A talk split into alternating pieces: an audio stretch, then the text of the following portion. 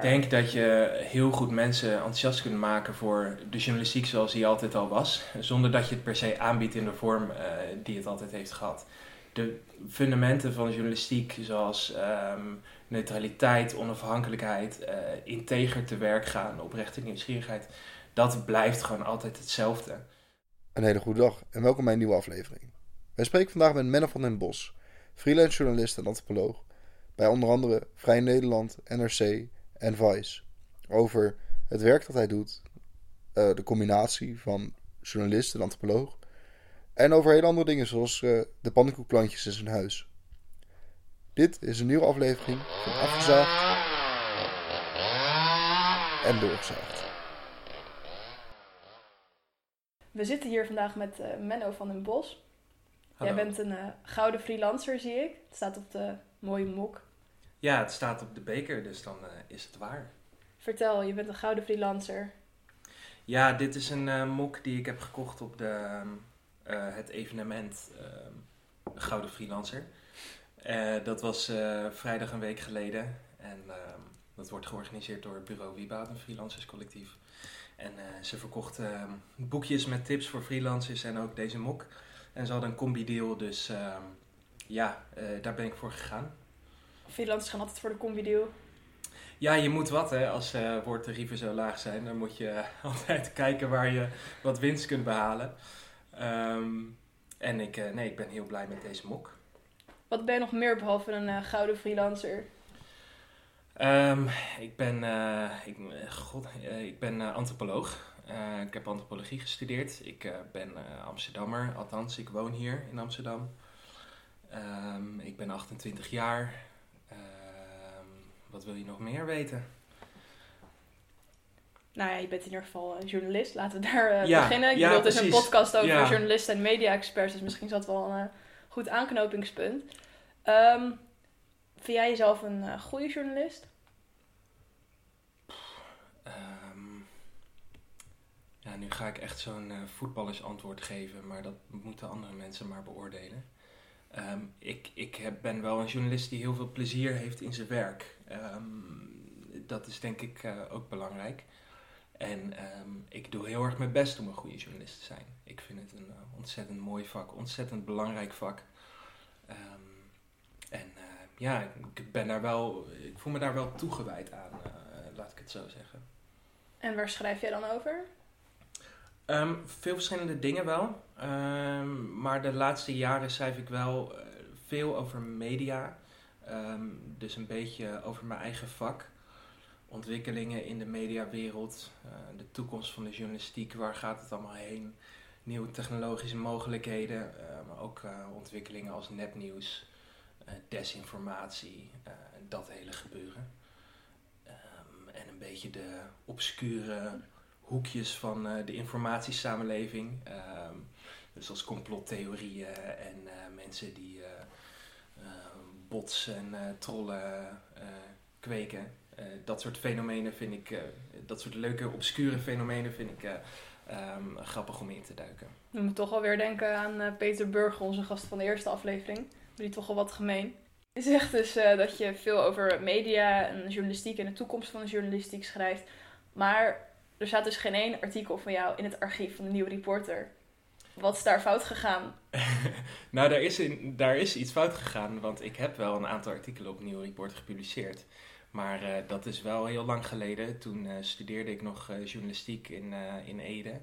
En toen heb ik een scriptie geschreven over buitenlandse correspondenten in Nederland. En daar ehm, heb ik een aantal interviews voor gedaan um, met zulke correspondenten. En die zijn toen zowel op de buitenlandredactie, uh, ook een website die volgens mij niet meer bestaat, verschenen, als op de nieuwe reporter. Um, maar goed, waarschijnlijk is dat toch uh, uh, opgeslokt in de ja, kieren van het internet ergens. Ik zal het artikel opzoeken en samen met deze podcast een nieuw leven inblazen als ik ja, nou goed, we hebben het wel over acht jaar geleden. Ik weet niet of dat het niveau is waar ik me nog heel erg op wil laten voorstaan, maar doe wat je wil. en ehm, je zegt dus ook dat je journalistiek hebt gestudeerd en antropologie. Ja. Een druk leven heb jij gehad? Nou ja, het viel wel mee hoor. Het was niet gelijktijdig, dat scheelt. ik heb inderdaad eerst journalistiek gestudeerd in Ede, dus toen een jaartje geprobeerd te freelancen. Ehm, maar dat ging nog niet zo goed, ehm, want ik wist eigenlijk niet waar ik moest beginnen. Ik had het ook niet zo goed geleerd op de opleiding. Dus ja, na, na een jaar een beetje ploeteren, dacht ik, ehm, ik, ik ga toch nog eh, even terug naar, ehm, naar de studiebanken. Ehm, ook om mezelf wat, eh, wat meer tijd te geven om eh, ja, mezelf te ontwikkelen. En eh, misschien een betere journalist te worden. Toen heb ik gekozen voor de Master Social and Cultural Anthropology aan de VU in Amsterdam. Op die manier ben ik ook in Amsterdam terechtgekomen. En dat was, eh ja, was een ontzettend goede keuze.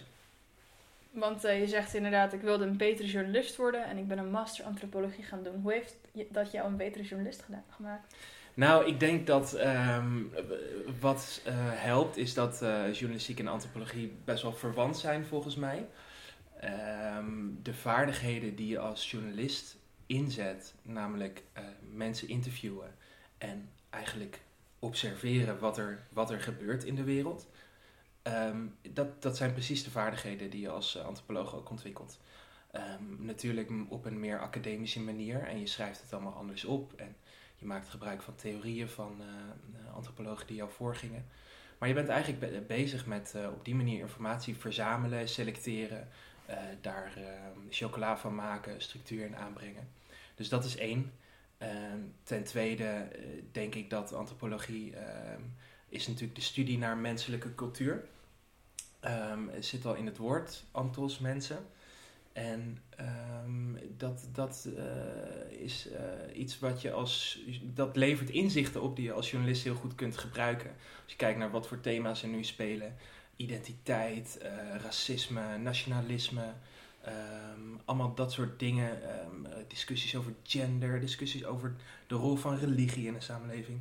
Dat zijn thema's die zo uitgediept zijn al door antropologen. En ook op een heel eh, concrete manier, waar andere wetenschappen soms heel erg op het abstracte zitten, eh, gaan antropologen echt het veld in, zoals ze dat dan noemen. En ehm, ja, met mensen zelf praten. En dat is eh, iets wat je als journalist denk ik ook moet doen. We hebben het altijd over de gewone burger, de gewone Nederlander. Nou, als je ergens leert hoe je de, eh, de gewone burger ehm, onderzoekt, om het zo maar te zeggen, en leert begrijpen, en andermans perspectieven leert begrijpen, dan is het eh, de antropologie wel. Ja. Nou, eigenlijk ben jij een soort van potentieel toekomstbeeld wat hier voor me zit. Ik eh, studeer dan een bachelor antropologie met eventueel misschien in het vooruitzicht een master journalistiek. Dus dan net omgekeerd. Maar eh, je, kan het, het, je kan het heel goed samen toepassen. En dat merkte ik ook in werk die je hebt geschreven. Eh, bijvoorbeeld dat eh, stuk wat je hebt geschreven voor Vrij Nederland over Almere. En de, de media daar. Daar zie je toch wel echt als antropoloog zeker, zie je daar antropologisch onderzoek en antropologisch werk in terugkomen. Omdat je, je gaat echt op de samenleving in wat mensen doen. Van die case studies, net zoals die vlog van de burgemeester en zo. En dat zijn gewoon, echt- ja, dat zijn echt van die antropologen dingetjes. Kan je iets Ja, meer over het leuk artikel vertellen? Misschien voor de mensen die het niet hebben gelezen Ja, of die het zo even moeten gaan opzoeken. Ja, voor Vrij Nederland is een van mijn opdrachtgevers. ehm, heb ik een eh, paar maanden rondgelopen in Almere. Met eh, steun trouwens van het Fonds Bijzondere Journalistieke Projecten, die me daarvoor een subsidie hebben gegeven. Eh, om te ehm, onderzoeken ehm, wat eigenlijk de, de effecten van het gebrek aan lokale media in Almere is. Ehm, ik, ik schrijf regelmatig over lokale media. En eh, in Almere zie je dat er bijna niks over is, terwijl het eh, een van de grootste steden van Nederland eh, aan het worden is. Met uit mijn hoofd eh, 210.000 inwoners ruim. Nummer 7 geloof ik van de grootste steden in Nederland. Ja, ja precies. En eh, gaat eh, Groningen binnenkort inhalen. Nou ja, ik, eh, ik ehm, eh, dacht van hoe, hoe gaat dat als alleen een lokale krant, want dat is de situatie, eh, verantwoordelijk is in zijn eentje voor het ja, kritisch volgen van de politiek en allerlei andere maatschappelijke onderwerpen. En daarvoor heb ik inderdaad heel veel interviews gedaan. Lekker de tijd kunnen nemen, veel rondgelopen op het stadhuis, eh, tijd op de redactie van die krant doorgebracht. En dat is denk ik inderdaad een, eh, een, ja, een antropologisch geïnspireerde manier van doen. Ik, ik zeg niet dat het uniek is, want andere journalisten doen dat ook. Maar ja, mijn antropologische achtergrond ehm, drijft me daar wel in. Ja. Is er, ehm, wat zou je zeggen dat echt een van de belangrijkste dingen is die je hebt meegenomen uit je antropologische achtergrond in journalistiek? Ja, ten eerste wat ik net zei, hè, vanuit het perspectief van de, de gewone mensen kijken. Ehm, dat is eh, ontzettend belangrijk eh, in de journalistiek. Dat je niet alleen ehm, kijkt eh, wat de macht zegt, maar ook wat er op straat leeft. En dan niet op een platte voxpop manier, maar op een oprecht geïnteresseerde manier. En ja, antropologie ehm, legt ontzettend de nadruk op dat dingen sociale constructies zijn. En zo af en toe kan dat doorschieten in ja, iets te abstracte manier van denken. Maar het is denk ik heel goed om eh, je als journalist ervan bewust te zijn dat iets als etnische identiteit of zo, dat dat niet een in beton gegoten biologisch gegeven is, maar iets wat mensen onderling vormgeven. Een heel mooi voorbeeld is altijd dat in de Balkan, waar natuurlijk heel veel oorlogen zijn geweest, ehm, de Serven en de Kroaten en de Bosniërs vredig samenleefden. Ehm, en dat ze eigenlijk geen oog hadden voor de verschillen tussen, uh, tussen die groepen. Uh, en op een gegeven moment, door politieke spanningen, zie je dat dat soort verschillen opeens wel benoemd worden en uitvergroot worden. En daardoor lijkt het opeens alsof Serviërs en Kroaten totaal verschillende volken zijn, terwijl ze ontzettend veel overeenkomstig hebben. Nou ja, die manier waarop ja, we samen construeren hoe we over dat soort dingen nadenken, over verschil. Ehm, dat, is, uh, dat is denk ik een belangrijk inzicht en ook uh, iets wat uh, ja, steeds meer raakt aan wat, wat nu speelt. Dus dat, dat zijn een paar dingen. Ja, ja dat, als, je niet heel, als je het niet heel erg vindt, dan gaan we even door naar iets lichters. Want ik merk wel dat dit Tuurlijk, inderdaad ja. wel... ik denk dat de luisteraar hier eventjes over moet nadenken, het even moet laten bezinken. Um, dus laten we eventjes uh, praten over uh, waar we nu zijn en uh, ja, hoe het is om in Amsterdam te wonen. Waar zijn we? Vertel. Ja, het is ontzettend leuk om in Amsterdam te wonen. Want het is denk ik een van de mooiste steden ter wereld. ondanks al die toeristen en hoge huurprijzen en noem maar op. Hoge huurprijzen, daar moeten we het zo ook nog even over hebben. Hoe ja, dat, oh, dus, ja, dat is dan toch een gevoelige issue. Nee, ja, dat, dat bewaren we dan wel voor strakjes. als we bijgekomen ehm, zijn. Nee, we zitten in, in mijn huiskamer in Bos en Lommer. Um, Lijkt je net een bos. Ja, die planten. Ja, dat planten. Ja. Ben jij van de planten of is dat je huisgenoot? Want je vertelde net aan mij dat je een huisgenootje hebt. Dat uh, zijn we allebei, denk ik. Um, ik ben wel de plantenvader van ons twee, dus ik, ik moet ze verzorgen. Dat is mijn taak. Maar uh, we vinden het allebei leuk uh, om veel planten in huis te hebben. En uh, anders is het toch al snel kaal. En het is denk ik ook een goedkope manier om je huis wat, wat leuker te maken. Um, we hebben niet, een, we hebben niet een, mooie, een mooie bank zoals je ziet. Um, het is een bank. Het is een bank. Hij gaat al een tijdje mee. Um, hij straalt veel, hoe zeg je dat, veel ervaring uit. maar planten zijn een leuke goedkope manier om je huis op te fleuren. Ja. En wie van jullie is de boekenweur? Uh, dat, dat ben ik. Al vind ik het zelf nog tegenvallen eigenlijk. Ik ben niet zo'n echte boekenlezer. Ik doe daar altijd veel te lang voor over. Voor mijn eigen, voor mijn eigen zin. Ja. Ehm, ik ben meer toch een krantenlezer en lekkere long reads. Ja, er staat wel een leuke boekenkast hier zo naast je deur. De luisteraar kan het mhm. natuurlijk niet zien, dus een mooie houten boekenkast. En het grappige vind ik eigenlijk dat het heel veel verschillende soorten boeken zijn die, die erin staan. We hebben een boek over de Europese geschiedenis, maar ook romans en boeken van Joris Luijendijk. En een boek over uh, de macht van Google. Het is eigenlijk een beetje van alles wat. Is dat ook een beetje hoe jij bent? Ja, ik denk het wel. Ik denk wel dat ik heel breed geïnteresseerd ben. Um, en ja, Joris Luijendijk... Uh, dat zijn natuurlijk classics en een mooi voorbeeld van iemand die journalistiek en antropologie op een mooie manier combineert. Um, dat is zeker waar. Is dat een beetje je voorbeeld of uh, Heb je een ander journalistiek voorbeeld? Ik, ik kijk uh, ontzettend tegen Joris op. Um, laat dat duidelijk zijn. Uh, die heeft enorm veel uh, um, prachtige journalistiek bedreven. En heel veel betekent denk ik ook wel voor het imago van antropologie. Over plantvaders gesproken. In, aan de voorkant van je huis, in, ja, bij het raam, staat een grote pannenkoekplant. Maar verspreid door je huis staan ook nog vier kleine stekjes van pannenkoekplanten. Zijn dat stekjes van dezelfde plant? Allemaal stekjes van dezelfde planten, papa. Ja, het is een vruchtbare omgeving uh, uh, hier kennelijk. Um, en uh, dan ben ik inderdaad degene die verantwoordelijk is om de kleine stekjes te pakken en in nieuwe potjes te stoppen. Het is zowel vruchtbare grond voor planten als, neem ik aan, voor creativiteit. Een stad als Amsterdam is altijd levendig. er is altijd wel iets te doen. En als antropoloog en als journalist is er zeker altijd wel iets wat je kan interesseren. Zoals een tijdje geleden een boek uitgekomen van ook een antropoloog.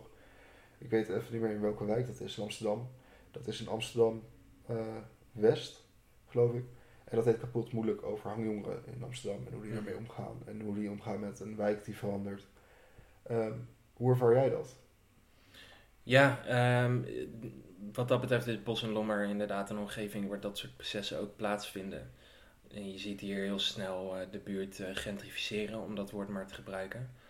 Um, de huren worden hoger, er komen allerlei hippe winkeltjes. Je ziet echt uh, ja, oude winkels um, die hier al heel lang zaten worden gesloten en vervangen door hippe koffietentjes. Um, dus ja, dat is, dat, is, dat is iets interessants. En natuurlijk, Amsterdam is een multiculturele samenleving en een ontzettend interessante stad. Tegelijkertijd, uh, god, de, stad zit al vol met journalisten. Dus ik denk niet per se dat we gebrek hebben aan mensen die wat hier gebeurt goed volgen. Um, wat dat betreft vind ik het niet ontzettend belangrijk om als journalist hier te wonen. Ik denk dat je misschien wel veel meer kan toevoegen door in Den Bosch te gaan wonen of in een andere stad buiten de Randstad. Waarom is het eigenlijk een probleem dan volgens jou dat er zoveel journalisten in Amsterdam zijn? Want dat vertelde je inderdaad voordat we gingen opnemen, dat het je wel opvult dat de meeste journalisten natuurlijk in de Randstad wonen. Tuurlijk, ja. Nou ja, je krijgt op een of andere manier eenheidsworst. En natuurlijk kun je altijd als journalist uh, ben je getraind om over je eigen grenzen heen te kijken, letterlijk. Uh, uh, dus als het goed is, sta je niet blind op je eigen omgeving. Maar eh, dat kun je ook maar tot op bepaalde hoogte doen. En als je uit een andere hoek van het land komt, maar ook als je een andere culturele achtergrond hebt of uh, uit een ander sociaal milieu komt dan waar de meeste journalisten uit vandaan komen, dan doe je andere ideeën op voor nieuwsverhalen. Dan, dan zie je andere ontwikkelingen om je heen. Um, dus ja, het is ontzettend leuk om in Amsterdam te wonen. Het is een ontzettend interessante wereldstad. Um, maar ik zou niet zeggen van uh, je moet hier zijn als je journalist bent of als je journalistiek studeert. Uh, en het is de place to be. Nee, uh, zeker niet. Zouden journalisten meer het land in moeten trekken? Meer naar plekken toe waar eigenlijk wat buiten de Randstad is? Naar Almere of zo? Ja, ja goed idee. Ga naar Almere. Um, ja, uh, tuurlijk, ja, natuurlijk is dat zo. En, en dat, dat, dat weten journalisten en redacties ook wel. En het gebeurt ook wel. En uh, natuurlijk heb je de NOS die verslaggevers het hele land door laat reizen. Dus het gebeurt wel. Ik denk dat het meer wijst op een soort breder probleem van dus een beetje eenheidsworst in de journalistiek. Dat je gewoon heel veel dezelfde types hebt. Types zoals ik, basically. We hebben wel Hart van Nederland natuurlijk, hè? Ja. Heel goed programma trouwens. Ja, dat is ook zoiets waar uh, snel een beetje badinerend over gedaan wordt in uh, uh, andere kringen van de, van de mediawereld. Maar dat is natuurlijk een enorm goed gemaakt programma. Ja. Het is niet altijd diepgaand. Maar het is denk ik net als het NOS-journaal met, ja, met, met die foxpopjes die soms een beetje lullig lijken. Maar dat is denk ik wel een beetje een soort toch een bindmiddel in de, in de mediawereld waar uh, ja, veel mensen zich in kunnen herkennen en zich eh, in terugzien. Nou ja, we blijven dus nu nog eventjes bij eh, Wereldstad Amsterdam. Een eh, flink dure wereldstad. En aangezien we het net toch al hadden over de combi-deals en lage woordtarieven, hoge huurprijzen en versleten banken. Hoe hou jij het hoofd boven water en hoe heb jij nog geen burn-out? Ehm, het is wel iets waar ik ehm, heel beducht op ben. eh, eh, om, om even met die burn-out te beginnen. Je hebt er al een artikel over geschreven volgens mij voor Ja, NRC. over, het heet Klopt. volgens mij zelf succesvolle journalisten worstelen met het vak. ja, ehm, ja, ik weet niet of die kop heel erg de lading dekt. Maar het, het artikel ging inderdaad over eh, het gevaar van burn-outs in de journalistiek. En er zijn wat cijfers waaruit blijkt dat journalisten wat vaker burn-out raken dan anderen. Met name jonge journalisten en met name vrouwen. Ehm, en ik heb met een aantal journalisten gesproken die zelf burn-out waren of op het randje zaten.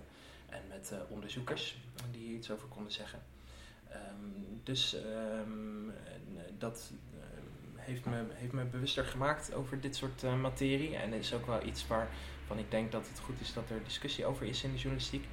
En die, die burn-outs, die werkdruk ehm, in dit vak, ehm, die de een meer merkt dan de ander, eh, hangt natuurlijk samen met het feit dat eh, de beloningen niet zo hoog zijn. Eh, met name voor freelancers. En je ziet daar nu gelukkig echt iets in verschuiven. We hebben natuurlijk die rechtszaak gehad onlangs van twee freelancers van de persgroep. Die ehm, zeiden van, eh, eh, ja, dit, deze tarieven die we krijgen, 13 cent per woord, volgens mij eh, zijn eh, gewoon beroerd. Daar kunnen wij niet van leven. En dat schaadt ook de journalistiek. En daar ben ik het volmondig mee eens.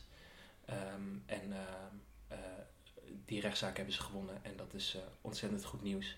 En je ziet ook steeds meer oproepen van journalisten die hun mond open trekken en zeggen van we moeten ons met elkaar verenigen en eh, we moeten proberen een beetje een blok te vormen en eh, eh, luider, luider protesteren tegen die dalende tarieven.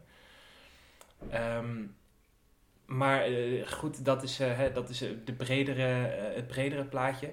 Hoe ik zelf mijn hoofd boven water hou, ehm, dat is niet altijd makkelijk. Wat voor mij belangrijk is, is dat ik niet alleen losse verhalen schrijf. Eh, waarvoor je een x aantal centen per woord krijgt, maar ook ehm, redactiediensten draai. Dus eh, bij Vrij Nederland doe ik bijvoorbeeld ook webredactie, eh, één dag in de week. Dan ben ik bezig met socials, met nieuwsbrieven maken, met eh, wat eindredactie op online artikelen. Even tussendoor, wie zijn jouw belangrijkste opdrachtgevers? Ja, Vrij Nederland, ehm, NRC, ehm, het Stimuleringsfonds voor de Journalistiek. Daar schrijf ik heel veel over, heel veel voor over media en innovatie. En Vice. Ja. Ja, ehm, en dat zijn dus deels losse verhalen. En deels zijn dat eh, diensten die ik draai. Bij eh, het Stimuleringsfonds heb ik ook een tijd lang, een dag in de week, gezeten om eh, gewoon te kijken hoe kunnen we de site beter maken. Ehm, ideeën bedenken, dat uitzetten bij freelancers. Ehm, bij Vice heb ik ook wel eens wat, wat chefachtige werkzaamheden gedaan, een, een tijd terug hoor. Maar nou ja, dat, dat, dat is een wat betrouwbaardere inkomstenbron dan eh, die losse stukken schrijven. En eh, als je dat ehm, dan aanvult met hier en daar af en toe wat, zoals dat dan heet, commercieel werk. ehm, waar je BTW op kan rekenen en al dat soort fijne dingen. En waar ze je eh, niet per woord betalen, maar per uur. En dan ook nog eens een keurig bedrag. Dan, dan lukt het. Ehm, maar wel, ja, ook bij de gratie van het feit dat ik een, best een zuinig leven leid. En eh, ik ga niet op wintersportvakantie, ik heb geen auto. Noem allemaal maar op. Als ik een, eh, een koophuis zou hebben, een gezin, ehm, eh, weet ik veel wat. Ehm, eh, zoals natuurlijk heel veel freelance journalisten wel gewoon, die zitten wel gewoon in die situatie.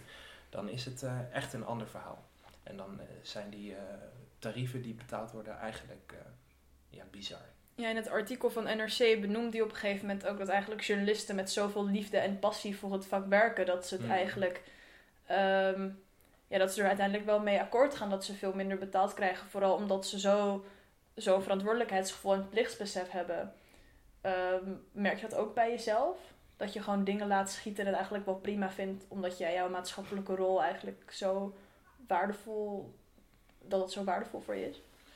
Ja, absoluut. Eh, dat merk ik bij mezelf. Ik denk dat vanaf dag één dat je journalistiek studeert, krijg je dat een beetje ingeprent. Dat het een soort van, niet een normaal vak is, maar een roeping. Een soort van eh, speciaal iets. Ehm, nou, ten eerste denk ik dat ehm, journalistiek eh, is geen roeping, is een, een, is een heel bijzonder vak, maar ook een gewoon vak in de zin dat je ehm, het doet om geld te verdienen. Toch wel? Ja, tuurlijk, tuurlijk. Ehm, ehm, je kan het niet gratis doen, want dan kan je het niet doen. Nee. Ja. Dus het is gewoon een voorwaarde dat ehm, mensen goed betaald worden, zodat ze dat prachtige vak kunnen uitoefenen. En ik vind het prima om te zeggen trouwens hoor, dat journalistiek een roeping is en eh, dat het, eh, dat het eh, geen 9 tot 5 baan is. En dat is in veel gevallen ook zo. Maar dat mag nooit een excuus zijn om eh, weg te kijken van slechte arbeidsomstandigheden. Want juist als je het vak zo belangrijk vindt, zou je geen genoegen moeten nemen met slechte arbeidsomstandigheden. En zouden we daar als sector eh, eh, echt goede gesprekken over moeten voeren. En in, in sommige gevallen leidt, leidt dat idee van het vak als roeping ertoe dat mensen ehm, ja, zich een beetje ja, misbruiken vind ik zo'n naar woord, maar dat, dat, dat mensen een beetje met zich laten sollen en dat je eh, eh, dingen, slechte omstandigheden gaat eh, goed praten omdat het zo'n enorme passie van je is. ja, de, de omstandigheden voor freelancers zijn inderdaad niet echt eh, best. Ik bedoel, je noemde net ook die rechtszaken en dergelijke. Maar toch ehm, stond in Villa Media een artikel van Nick Kivits in oktober. En daarin stond dat 35% van alle Nederlandse journalisten eigenlijk freelancer zijn. En dan denk ik, waarom blijft dat aantal stijgen? Waarom gaan journalisten niet gewoon in loondienst werken? Ja, omdat die eh, banen niet voor het oprapen liggen.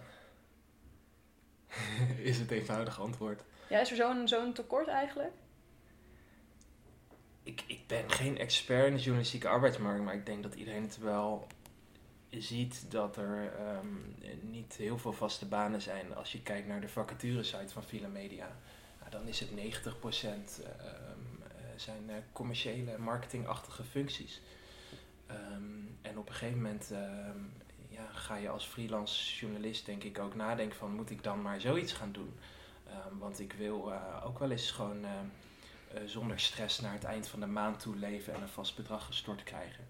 En ik denk dat dat, dat natuurlijk niet goed is, want dan verlies je goede journalisten. Ehm, maar ja, het is, het is een eh, ehm, soort van macro-economisch probleem natuurlijk. Mensen consumeren minder traditionele media. En traditionele media is eh, wel eh, waar eh, nog altijd de meeste eh, vaste dienstverbanden zijn. En nieuwe media, ehm, waar ik veel over schrijf en eh, ontzettend enthousiast over ben en ontzettend blij mee ben dat er zoveel gebeurt in de journalistiek, kunnen die vaste arbeidsplaatsen vaak nog niet aanbieden en maken gebruik veel van freelancers. Dus ja, dan stijgt het aantal freelancers. Ja, over die vernieuwing, daar schrijf je inderdaad eh, heel veel over, over de nieuwe media. Je hebt stukken geschreven ook over podcasts en chatbots en allerlei lokale initiatieven en mediafondsen. Volgens mij dit wel echt eh, jouw interessegebied inderdaad. En eh, gisteren ontving ik een berichtje van jou of je met ons eh, mocht filosoferen over eh, deze toekomst van de journalistiek. Ja. Dus dat eh, leek me wel eigenlijk een, een leuke uitdaging om eh, ja, daar tot, tot slot in deze podcast eventjes eh, op in te gaan. ja, wat denken jullie? Waar gaat het heen? Nou, dit soort dingen. Ja, een, eh, een nieuw ding eh, van RTL is Adam. En dat Ja. is een, oud, dat is een eh, AI-redacteur. Dat is een computerprogramma die dan eigenlijk artikelen plaatst. En dat eh, past er dan op bepaalde manieren toe. Bijvoorbeeld een, eh, het eerste artikel waarbij ze dat toe hadden gepast was over verkeerssituaties, eh, verkeer, ja, gevaarlijke kruispunten en zo. En dan kon je gewoon je stad in, indrukken. En dan kreeg je gewoon een per- gepersonaliseerd nieuwsbericht over jouw regio. Bijvoorbeeld in de gemeente Leiden zijn, zijn dit, dit gevaarlijke kruispunten, er zijn zoveel doden en zo. Ehm, ik denk dat we dat steeds, dat we dat wel een stuk meer gaan zien. Maar dat kan Ja. natuurlijk, dat kan je op zo'n manier toepassen, maar niet voor alle nieuwsberichten. Dat kan je toepassen Zeker op, eh, niet. op grote Nee. cijfers bijvoorbeeld. Ja, maar ik ben wel ontzettend eh, enthousiast over dit soort dingen. Alles ehm, wat ehm, een soort van simpel handwerk is en wat uit handen kan worden genomen door technologie, is natuurlijk pure winst. Ook denk aan transcriptiesoftware die Ja. interviewbandjes uitwerkt. Of automatische vertaalsoftware. Of eh, je krijgt nu diensten van Google en eh, Amazon die ehm, eh, artikelen omzetten naar spraak. En dat zijn dan robotstemmen, maar die klinken als, al, lang niet zo, meer zo blikkerig als vroeger. Ja. Ehm, dus dat zijn allemaal, ja, allemaal ontzettend fijne mogelijkheden, waardoor we ons als menselijke journalisten weer kunnen gaan focussen op, ehm, eh, ja, op andere dingen, op het handwerk, op whatever, het land ingaan, met mensen praten, ehm, de diepgang opzoeken, de, de grote verhalen vertellen. Ehm, en ja, ik, dus ik, ik vind het leuk om over dat soort initiatieven te schrijven. Ook omdat ik geïnteresseerd ben in technologie en eh, hoe het allemaal werkt. Ik ben zelf zo a-technologisch als wat eigenlijk. Ehm, eh, dus ik ben meer een, een, een beschouwer daarvan dan dat ik zelf eh, zou weten hoe je een podcast in elkaar zet of hoe je een algoritme schrijft. Ehm, maar ik, ik, ik, ik ehm, eh, vind het wel heel tof om dat te volgen. En los van al dat soort technologische innovaties vind ik het heel leuk om eh, ehm, na te denken over, en dan ben ik ook wel benieuwd wat jullie daarvan vinden, over nieuwe manieren om eh, journalistiek eigenlijk ja, in, in, in fundamentele vorm, vorm te geven. Je hebt bijvoorbeeld dingen als constructieve journalistiek en eh, impactgedreven journalistiek, waarmee eigenlijk gezocht wordt naar eh, manieren om in een eh, ja, tijd dat eh, de wereld heel onoverzichtelijk is geworden, om ja, journalistiek opnieuw weer relevantie te geven, als het ware. Ehm, is, dat, is dat, want jullie doen allebei de minor journalistiek en nieuwe media. Is dat iets waar jullie veel over discussiëren en over nadenken?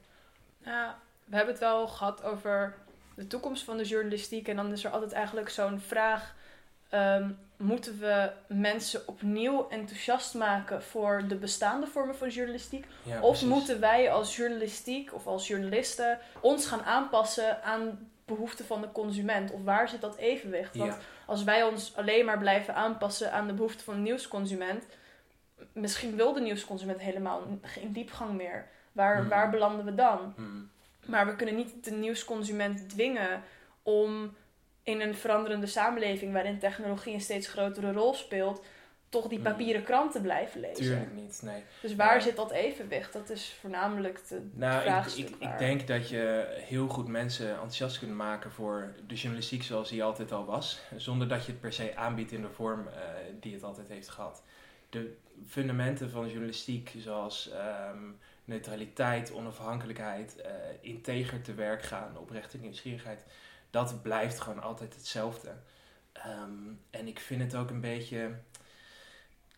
Kijk, als... ehm, ehm, daarom vroeg ik aan jullie hoe jullie er als eh, jonge mensen tussen aanhalingstekens ehm, eh, over dit soort dingen denken.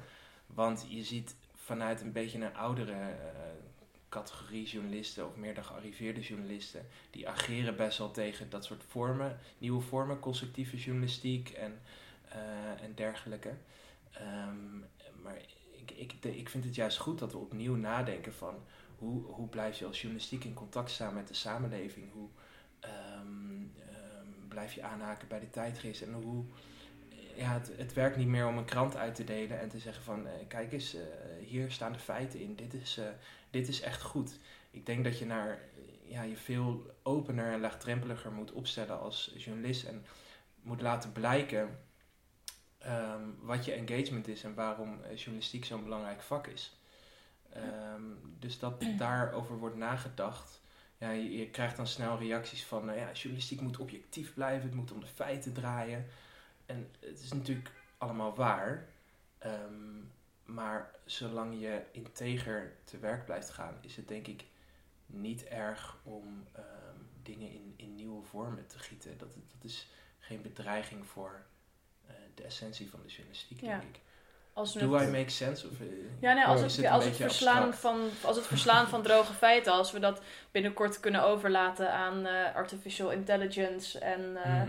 als we dat gewoon als pushbericht krijgen en dat niet meer de volgende dag in de krant hoeven te lezen, dan is een van de oorspronkelijke taken van de journalist, namelijk het verslaan van droge feiten, zodat mensen geïnformeerd zijn, Mhm. vervaagt daarmee een beetje. Dus het is inderdaad heel goed dat de journalistiek op zoek gaat naar een manier om het verhaal dichter bij de mensen te brengen, ehm, om achtergronden weer te geven, om ehm, mensen de ruimte te geven om een mening te vormen over die droge feiten en om daar beschouwend over te schrijven. Ik vind Ja. dat een heel, niet zozeer een goede of slechte ontwikkeling, ik vind het voornamelijk een heel logische ontwikkeling als je Ja. kijkt naar de huidige tijdsgeest eigenlijk. Ja, we moeten gewoon zoeken naar, naar, naar manieren. En ik zeg niet dat er één goede manier is. En ik zeg ook echt niet dat de constructieve journalistiek eh, ehm, de nieuwe eh, manier is die eh, alles beter gaat maken. Als rol van journalist erin kan je wel iets subjectiever zijn. Dat zie je bijvoorbeeld een website die het tegenwoordig heel goed doet, is de correspondent. En bij de correspondent kunnen mensen ook iets subjectiever zijn in hun verhaal, in hun verslaggeving. Ik zou niet willen zeggen dat ik eh, voor eh, eh, journalis- subjectieve journalistiek ben, zozeer. Ik weet niet of de correspondent zichzelf ook echt subjectief zou noemen. Maar ehm, ze gaan inderdaad op een wat andere manier te werk. En ik denk ook dat het niet erg is, omdat ze er zelf heel transparant over zijn. Ja. Ze leggen heel erg uit ehm, waarom ze de nadruk leggen op de problematische kant van klimaatverandering bijvoorbeeld. Zolang je dat maar duidelijk maakt aan mensen, laat zien waar je vandaan komt als medium, als journalist en daar kritisch op reflecteert. En zolang je altijd maar integer omgaat met eh, feitenmateriaal, met, met bronnenmateriaal, ehm, dan, dan zie ik geen eh, reden waarom je niet kunt afstappen inderdaad van het klinische, hè, van eh, veel tv- en krantenjournalistiek, een beetje twee kanten belichten, geforceerd het objectief proberen te houden. In plaats van soms te zeggen van, ah jongens, eh, dit is gewoon een probleem. Journalisten zijn soms ook bang om te zeggen dat, ze, dat iets heel erg is, zeg maar. Ja. Snap je? Ehm, want, dat, want dat is niet objectief. Het zou niet objectief zijn om te waarschuwen voor de gevolgen van klimaatverandering. Terwijl de journalistiek is een eh, idealistisch beroep. Eh, het hele uitgangspunt van journalistiek is al niet objectief. Namelijk, je vindt dat het in een democratie belangrijk is dat mensen geïnformeerd moeten worden. Dat machthebbers niet mogen liegen. Dat zijn, dat zijn ehm, eh, standpunten, dat zijn uitgangspunten. En je moet laten zien dat je daarop, dat je daarvan uitgaat. Integer te werk gaan, er transparant over zijn hoe je dat doet.